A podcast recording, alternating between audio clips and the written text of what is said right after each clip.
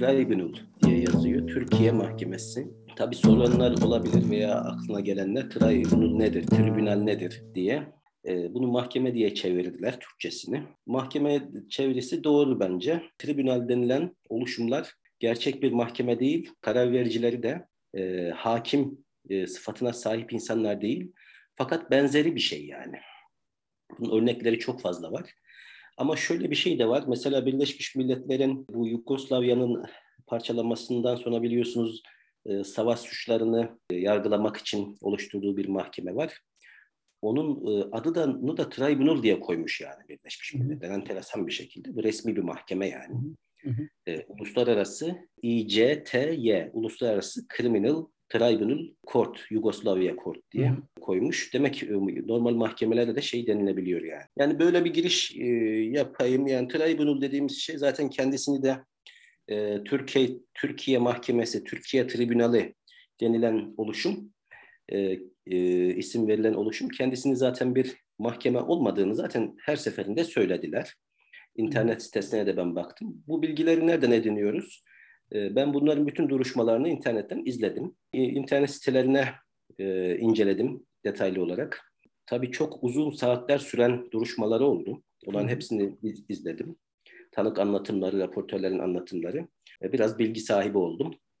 Ee, öte yandan tribünale nasıl oluştu veya burada karar veren ve hakim e, olarak orada yargıç olarak nitelendirilen şahıslar kimlerdir? Biraz da onlara baktım tarafsızlıkları, bağımsızlıkları, daha önce yaptıkları görevler filan. Ve duruşmaları izlerken de bilhassa dikkat ettim yani nasıl hakimlik yapıyorlar orada. Nasıl tanık dinliyorlar, nasıl sorular soruyorlar. Çok önemliydi benim için. Şimdi ben sana bir soru sorayım. Tribünal önce kim tarafından oluşturuldu? Çünkü bu e, konuda e, bir bazı şeyler var, açıklamalar var. İşte bu tribünalin bir cemaatçi e, şahıslar tarafından oluşturulan bir e, şey olduğu yönünde e, Türkiye'den gelen itirazlar oldu. O sebeple sence e, burada ne demeliyiz? Yani bu tribünali sadece e, cemaat e, tandanslı veya cemaatle bağlantılı olduğu iddia edilen insanlar mı kurdu. Sevgili dostum bu bu soru e, özellikle Türkiye Mahkemesi'nin oluşumundan işte bugünkü yapmış olduğu oturuma kadar ki geçen süreç içerisinde hep üzerinde konuşulan konulardan bir tanesi. Mahkemenin internet sitesine baktığınız zaman işte Belçika'da Van Stembuch e, Advokaten denilen bir hukuk ofisinin e, bu e, mahkemenin kuruluşu aşamasında sponsorluk yaptığını görüyoruz. Mahkemenin temsilcisi olarak gözüken Profesör Johan van der Lonette Gent Üniversitesi'nde yine profesör olarak görev yapıyor.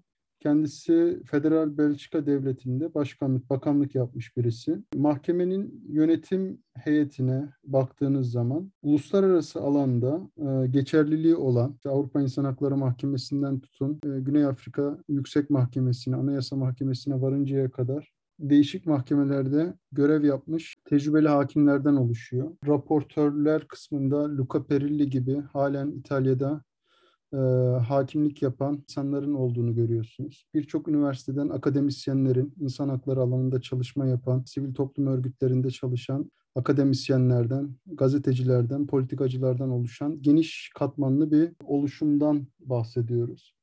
Yine enteresan bir şekilde observer'lar var. Yani gözlemcilerin olduğunu görüyoruz.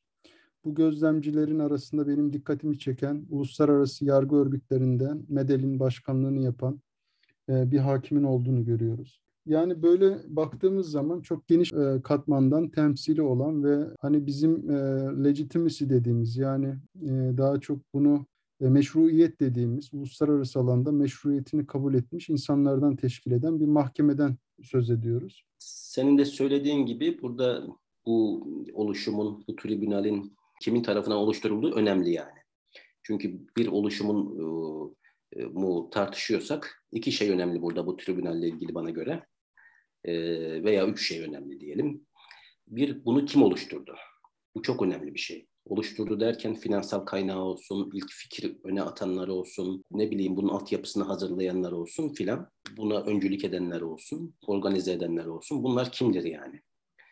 Bu önemli bir şey. Yani bunu ben bir şeyi incelerken buna bakarım. İkinci, En önemlisi de şu, bundan da daha önemlisi. Karar veren hakimler kim? Tamamen tarafsızlar mı? Bağımsızlar mı? İnsan hakları anlamında bilgileri var mı? Akademik kariyerleri var mı? Hakimlik geçmişleri var mı? Nasıl davrandılar? Tarafsız bir görüntü çizdiler mi? Bağımsız bir görüntü çizdiler mi? Yoksa farklı mı davrandılar, taraflı mı davrandılar, sorularla yönlendirdiler mi, yönlendirmediler mi? Yoksa olayı aydınlatmak için mi soru sordular? Bu benim için çok daha önemli ve karar verirken tarafsız ve bağımsız davrandılar mı? Yani bu birinciden daha da önemli benim. Yani burada önemli olan üçüncü şey de orada yaşananlar yani duruşmada anlatılanlar, oraya sunulan belgeler, raporlar, tanık anlatımları filan. Kim tarafından kurulduğuya baktığımız zaman hep yabancı şahıslar karşımıza çıkıyor. İşte Belçikalı, daha çok önderlik eden işte Belçika'da e, ben baktım işte adam dört dönem e, başbakan yardımcılığı yapmış, kral tarafından atanmış, devlet bakanlığı yapmış falan. E, tanıklara baktığım zaman tanıkların çoğu da e, cemaatle e, bağlantısı olduğu iddia edilen şahıslar. Ama hakimlere baktığımız zaman da e, buradaki yargıçların altı tane yargıç var. Bu arada altı tane konuyu şey yaptı, bu tribünal inceledi. Altı tane yargıçın baktığım zaman çok enteresan. Sen de dedin ya Türkiye'de bir ilk. Bunun özelliği de şeffaf e, olması bu tribünalin e, baktım hepsini canlı yayınladılar. Hemen hemen hepsi canlı yayınlandı. Hakimlerin tartışmalarını sadece yayınlamadılar. O da zaten müzakereler gizli oluyor. Burada baktığımız zaman buradaki hakimlerin tekrar dönmek istiyorum. Altı hakimden e, üç tanesi Avrupa İnsan Hakları Mahkemesi'nde yargıçlık yapmış. Çok önemli bir şey bu yani. Altı tanesinden üç tanesi Avrupa İnsan Hakları Mahkemesi'nde yargıçlık yapmış ve profesör ünvanına sahip insanlar. Diğer kalan bir tanesi sen de söylediğin gibi Güney Afrika Anayasa Mahkemesi üyesi. Kalanlar da iki kişi de Birleşmiş Milletler'in insan hakları komitelerinde yüksek mevkilerde çalışmış insanlar. Mesela bir tanesi Irak'taki insan hakkı ihlalleriyle alakalı orada şeflik yapmış yani. Diğeri siyasi işler başkanlığı yapmış Birleşmiş Milletler'de bu insan hakları ile alakalı e, konularda da çalışmış. Yani gerçekten e, şey yetkin, hepsi insan hakları hususunda çalışmış insanlar ve üç tanesi, de dört tanesi de yüksek hakim yani bunların. E, bu sebeple ben heyeti beğendim. Mahkemenin kuruluşu hakkında vermiş olduğumuz bilgilerden sonra istersen bir prosedüre e, geçelim. Nasıl bir prosedür izlendi?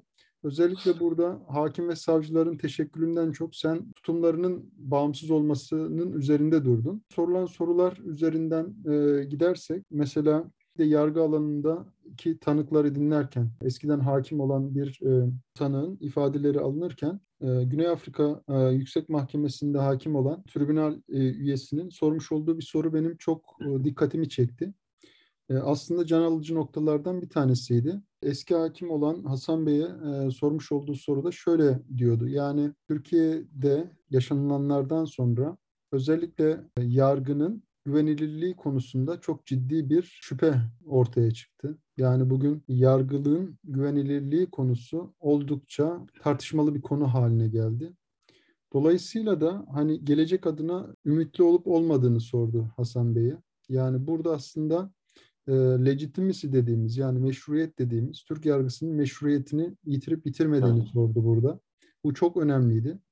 Ben bu e, mahkemenin kurulmasında bu noktayı da çok anlamlı ve yerinde buluyorum. Yani bugün bu mahkemenin e, kurulmasına neden olan e, ana düşünce bu mahkemede tanık olarak dinlenilen ya da e, bu mahkemede mağdur olduğunu düşünen kişilerin Türk mahkemeleri nezdinde haklarını arayamaması ya da e, Türk yargı yerlerinin bu kişilerin haklarını koruyamaması nedeniyle ve uluslararası mahkemelerin bu konuda o ya da bu nedenlerle çekingen davranması sonucunda böylesi bir tribünale ihtiyaç duyulmuş oldu.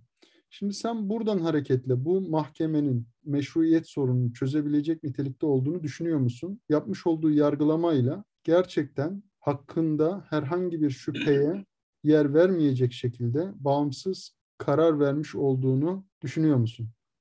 Şimdi ondan önce e, yani e, şimdi şöyle bir yöntem izlediler e, benim gördüğüm kadarıyla.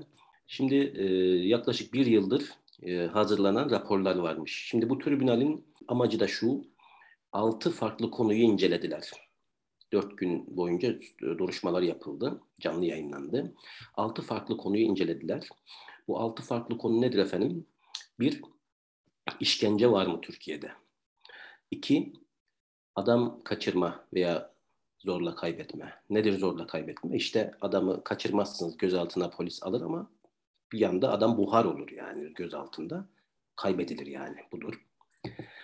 Üç, e, basın özgürlüğü var mı Türkiye'de? Çok önemli şeyler bu söylediklerim şeyler. İşkence, adam kaçırma, basın özgürlüğü. E, dördüncüsü cezalandırılmama. Birileri bir suç işliyor ama cezalandırılmıyor. Öyle bir şey var mı? Beşincisi yargı bağımsızlığı ne durumda?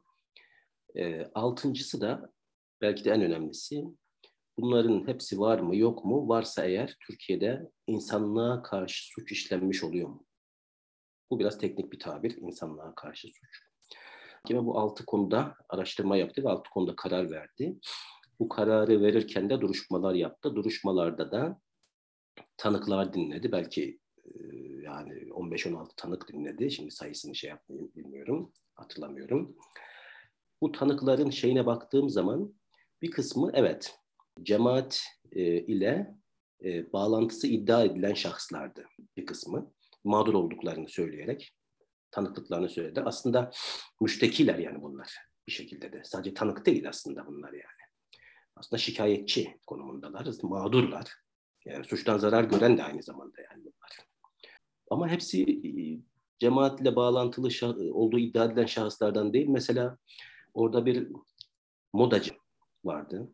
Türkiye'de bilinen bir modacı vardı. E, sosyalist e, görüşlü avukat vardı.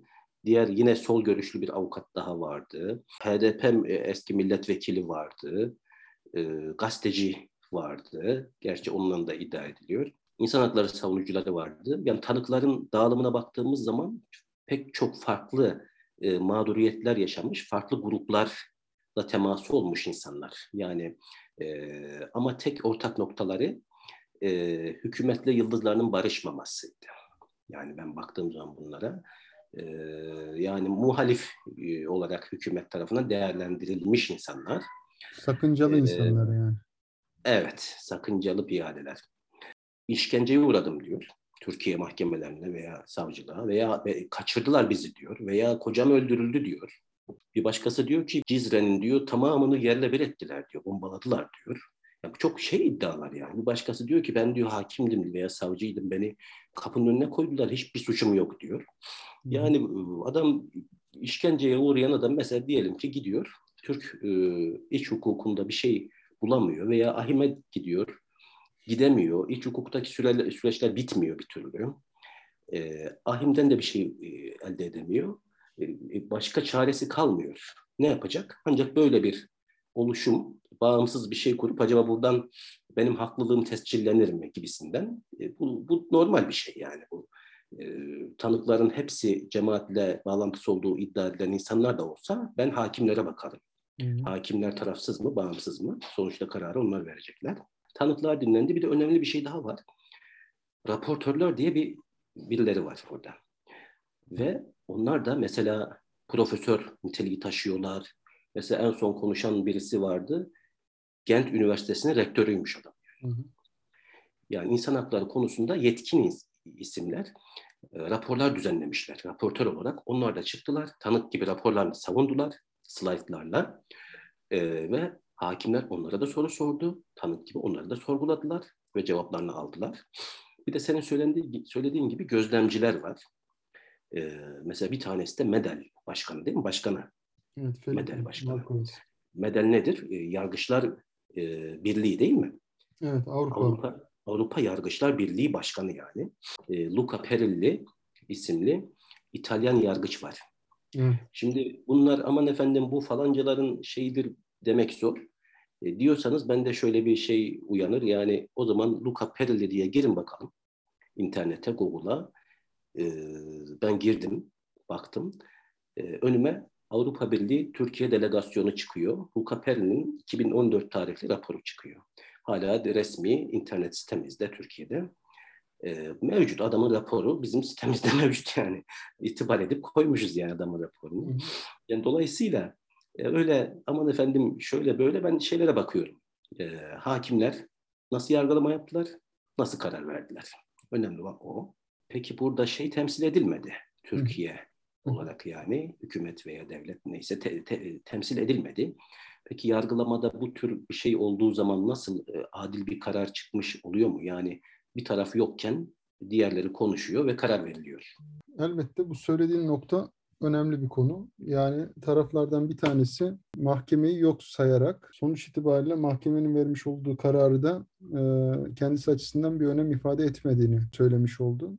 Türkiye açısından tabii zor bir durum. Bağımsız bir devletin kendi yargılama yetkisini başka bir kurum ve kuruluşa vermeyi kabul etmesi egemenliğiyle çok bağdaşır bir durum değil. Dolayısıyla da Türkiye Cumhuriyeti Devleti'nin yapmış olduğu diplomatik anlamda e, bir yeri olabilir yani. Bu konuyu ben e, hani konunun uzmanı değilim fakat e, işte uluslararası ilişkiler bakımından mahkemeyi tanıması anlamına gelirdi ki bu da kendisi açısından çok doğru bir sonuç doğurmazdı. Dolayısıyla da tribünale Türk tarafının katılmamış olması aslında kararın oluşması açısından büyük bir eksiklik. Yani e, burada tek taraflı bir anlatım üzerinden e, mahkeme karar vermek durumunda kaldı. Fakat kararı okuduğumuz zaman zaten elde edilen bulgular çerçevesinde işte insan hakları ihlalinden adam kaçırılmaya kadar varan e, kısımlarda işte Türkiye'de suçların cezasız kalmasına ilişkin kısım, işkenceye maruz kaldığını iddia eden kişilerin yargı makamlarına başvurup oradan e, sonuç alamaması. Bunu zaten yazılı olarak dokümanlarıyla birlikte mahkemeye teslim ettiler. Yargının bağımsızlığı konusundaki oluşan şüpheler, Bunların hepsi e, zannediyorum e, plan yargılama sonucunda bir derece subut bulduğu için mahkeme e, bu kararı verdi. Fakat burada e, benim üzerinde durduğum konulardan bir tanesi yani bu mahkemenin vermiş olduğu kararın bağlayıcılığından çok Türkiye'deki yaşanılan insan hakları alanındaki e, ihlallerin tespit edilmiş olması e, benim açımdan e, son derece önemliydi ve bu mahkemenin e, en büyük kazanımlarından biriydi. Şu an hani diyoruz ya biz yargı makamları ya da bürokratik makamlar çalışmıyor, çalıştırılmıyor. Niye? Çünkü hukuki anlamda e, mekanizma tıkanmış durumda ve mahkemeler bugün iddia edilen e, isnatları bir şekilde e, görmezden gelerek bunların kayıt altına almasının önüne geçiyor. Bu e, George Orwell'ın e, 84 e, isimli romanı var ya orada bir bölüm var. Orada e, hukuka aykırı rejimlerin e, nasıl insanların geçmişini sildiğini anlatıyor. Gazetelerde çıkan yayınların e, arşivlerinin silindiği, kayıtların tek tek ortadan kaldırıldığını söylüyor. Şimdi Türkiye'de de bir akademisyen üniversitenin akademik yayınlarında kendisinin olan makalelerin çıkarıldığından dolayı şikayette bulunuyor. Diyor ki ya benim geçmişimi siliyorlar yani KHK'lı olduğum için diyor. Şimdi böyle bir ortamda gerçekten Türkiye'deki yaşanılan hukuksuzlukların kayıt altına alınmasıyla alakalı ciddi bir problem vardı. Bu mahkeme e, özellikle raporlar ve vermiş olduğu kararlarla kaybolmaya yüz tutması e, muhtemel bazı hukuksuzlukları kayıt altına almış oldu.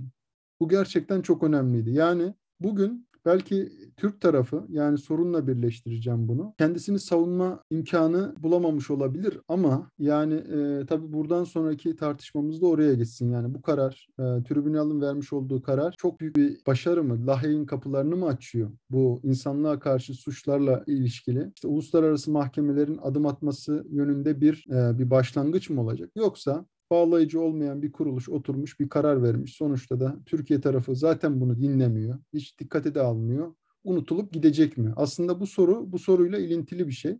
Ee, ben de soruna soruyla karşılık vereyim. Diyeyim ki ben burada Türk tarafının Türk tarafının gerçekten bu konuda müdahale olup düşüncelerini açıklamış olması önemliydi. Fakat bu olmadı. Mahkemenin ya da Türkiye Mahkemesi'nin kararının eksikliği bu olarak e, görelim. Fakat olası bir uluslararası ceza mahkemesinin önünde mahkemenin karara bağladığı ihlaller bir suç olarak karşımıza çıkarsa, insanlığa karşı suçtan bahsettin. Tam bu Lahey'in e, görev alanına giren konulardan bir tanesi. Eğer bu insanlığa karşı işlenmiş bir suç olarak değerlendirilirse ve Uluslararası Ceza Mahkemesi de bu konuda adım atarsa ki kararın açıklanması aşamasında bunun başlangıcı aç- açısından e, bir ışık tutucu bir referans kaynağı olacağını söyledi.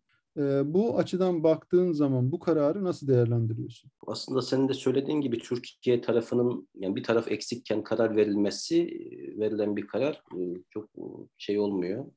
Ama mahkemenin de söylediğine göre Ağustos'un Ağustos ayında yani bir buçuk ay önceden Türkiye'ye diyor bütün bilgi belgeleri gönderdik.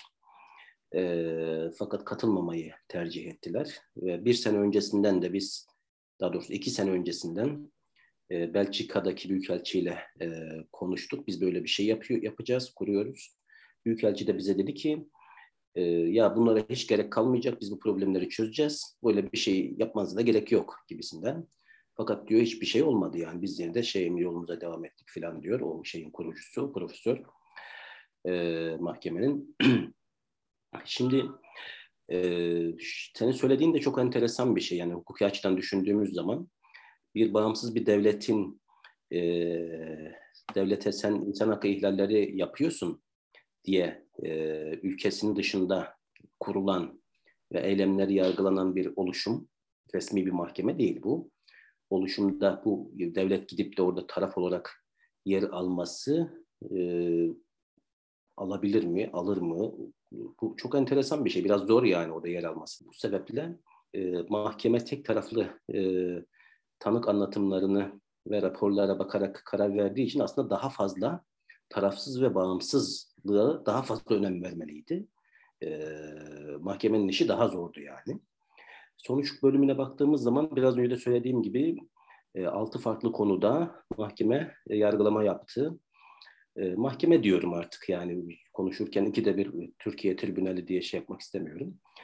E, altı farklı konuda yargılama yaptılar.